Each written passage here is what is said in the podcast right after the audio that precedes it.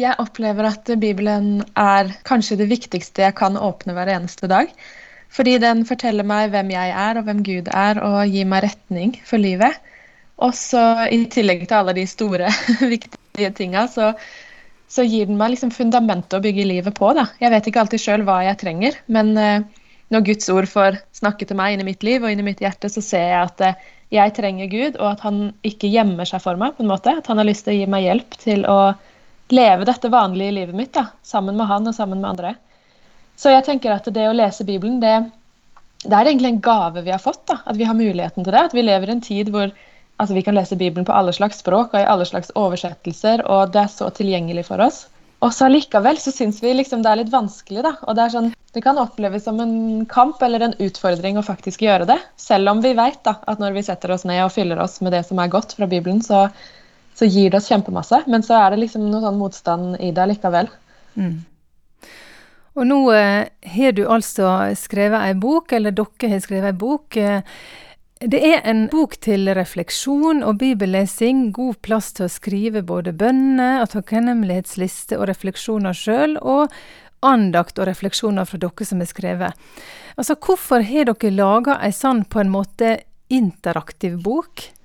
Det fins mange måter å svare på det spørsmålet. Um, to av tinga er jo det at vi, vi fant hverandre veldig i liksom, åh, dette var noe vi trengte sjøl og savna i vårt eget liv og hadde lyst til å gjøre. Og jeg tenker bare det at vi har fått ei bok som vi har lyst til å bruke, er liksom en gave i seg sjøl her. Men det andre det er det at det siste året nå som vi har vært begrensa fra fellesskap, eh, så har det blitt veldig tydelig for meg hvordan troa Altså, du kan ta bort fellesskapet, og jeg savner det veldig. Men når du på en måte stripper vekk alt, så, så, står det fortsatt det viktige igjen. Og det handler om Jesus og meg. Og den personlige relasjonen vi har. Og den trenger jeg rytme for, og den trenger jeg hjelp til. Og den fins det liksom Det fins muligheter for å skaffe seg verktøy som kan hjelpe deg til å bevare den relasjonen, også i pandemi. da. Mm. Også når Det fins jo mange årsaker til at vi ikke kan ha fellesskap alltid, og da tenker jeg at eh, det å allike, eller aller først, kanskje, da, eh, fokusere på dette med det nære mellom Jesus og meg, det er kanskje det viktigste jeg kan jobbe med i livet. Mm. Og så gleder jeg meg til vi skal samles i fellesskap igjen, men, men Jesus er der alltid. Mm. Du Maria Celine Lundeby, du har skrevet bøker før, du, både alene og i lag med mannen din. Eh, denne gangen mm. så har du med deg Hanna Elisa Haraldsen. og Hvordan kom det opp, og hvordan har den samskrivinga og arbeidsfordelinga gjerne vært? Det er egentlig veldig gøy. Eh, fordi Hanna er jo Jeg tror vi har regna oss fram til at hun er 14 år yngre enn meg. Og det er ganske stor aldersforskjell. Så vi har, vi har liksom litt ulike tilnærminger til ting, men vi har akkurat det samme hjertet for hva vi ønsker å brenne for å dele videre av troa vår. Og nå overlappa det veldig. Og vi kjenner ikke egentlig hverandre sånn veldig godt på forhånd, men eh, vi har fulgt hverandre på Instagram eh, i lang tid og vet at vi liksom deler det samme hjertet for noe. Så i høst så hadde jeg denne løse ideen om en sånn notatbok 'Hjelp til livet med Jesus'. Og så sendte jeg henne en melding og sa er ikke det her noe vi skal liksom tenke på sammen? Og så kicka hun på det med en gang, og da bare begynte vi å skrive. For vi tenkte at om forlaget vil ha det eller ikke, så har vi veldig lyst på det. Det hadde blitt på en måte et eller annet uansett, da. Så da begynte vi på det vi kaller liksom skrivepingpong. Det var fordi vi tenkte vi har lyst til å lage en bok som varer et halvt år. Kan, du kan begynne når du vil, for du fyller inn dato sjøl. Men den varer da i 26 uker. Og så eh, tok vi utgangspunkt i Lukasevangeliet og satt opp et kapittel sånn for hver uke. Sånn grovt sett. Eh, og så bestemte vi oss for å skrive en kort andakt annenhver uke, på en måte, da, hver av oss. Mm. Så da skrev hun for den første, og så skrev jeg den andre og hun den tredje osv. Og, så og for å sørge for at vi holdt liksom stilen litt lik, da, så blei det denne skrivepingpongen hvor vi innimellom sendte hverandre en melding. 'Nå er jeg ferdig, din tur'. Ja. Og da det betyr jo egentlig at den boka ble jo da skrevet i liksom sånne lommer i hverdagslivet. Det var ikke et sånt stort prosjekt hvor vi satte oss ned i en lang periode og jobba, men det var liksom bare en del av hverdagen gjennom høsten da, hvor vi skrev.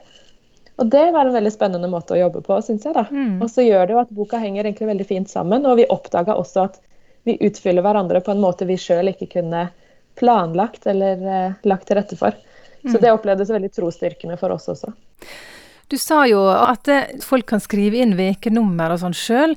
Og på seg sjøl kjenner en ingen andre, men en kan jo oppleve at en Ja, hvis du er med i noe, så detter du av en dag eller to, og så kan det være vanskelig å komme inn igjen. Eh, hva oppfordring vil dere gi her? Hvordan koble seg på igjen, rett og slett? Mm. Det skriver vi faktisk noe om i innledninga til boka, fordi vi kjenner oss sjøl og andre akkurat så godt. Og det, det, viktigste tror jeg bare er å ha et litt sånn realistisk forhold til det. At når du begynner på boka, så må du bare regne med at du kommer til å dette ut litt. Men da er det jo så fint at du kan ta deg en ukes pause og så koble deg på igjen med den datoen du er på. Eh, men å ha tenkt gjennom på forhånd at det kan skje, da er det liksom lettere å hekte seg på igjen hvis man faktisk detter av. Mm. Det andre er at uh, i forbindelse med lanseringa nå, så har vi også åpna opp for en sånn klubben, som vi kaller det. Som rett og slett er en gruppe på Facebook. Hvor du kan være med og lese boka sammen, da.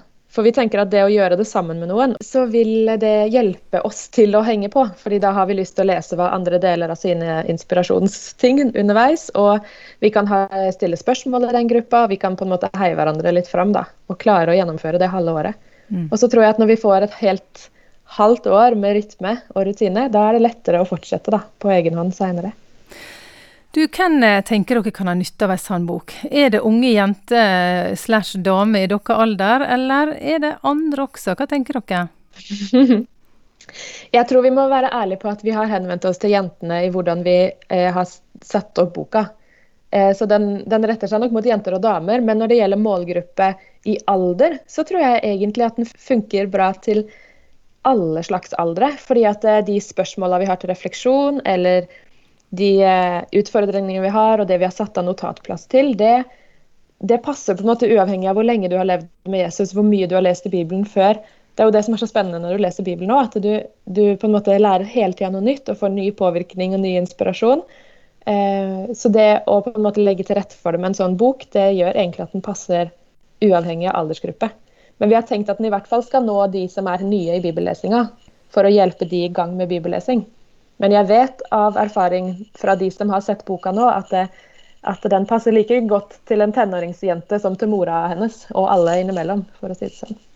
Men hvis en mann eller gutt hører på noe, eh, får ikke han lov å lese?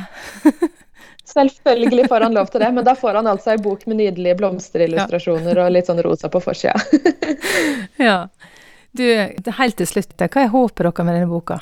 Det samme som vi brenner for i alt vi gjør, både Hanna og jeg, tror jeg. At vi ønsker at folk skal få se mer av Jesus i sin egen hverdag. Og få komme nærmere han og få erfare hvor godt det er å la Bibelen og bønnen og det ærlige, ekte livet sammen med Jesus få prege hverdagen. da.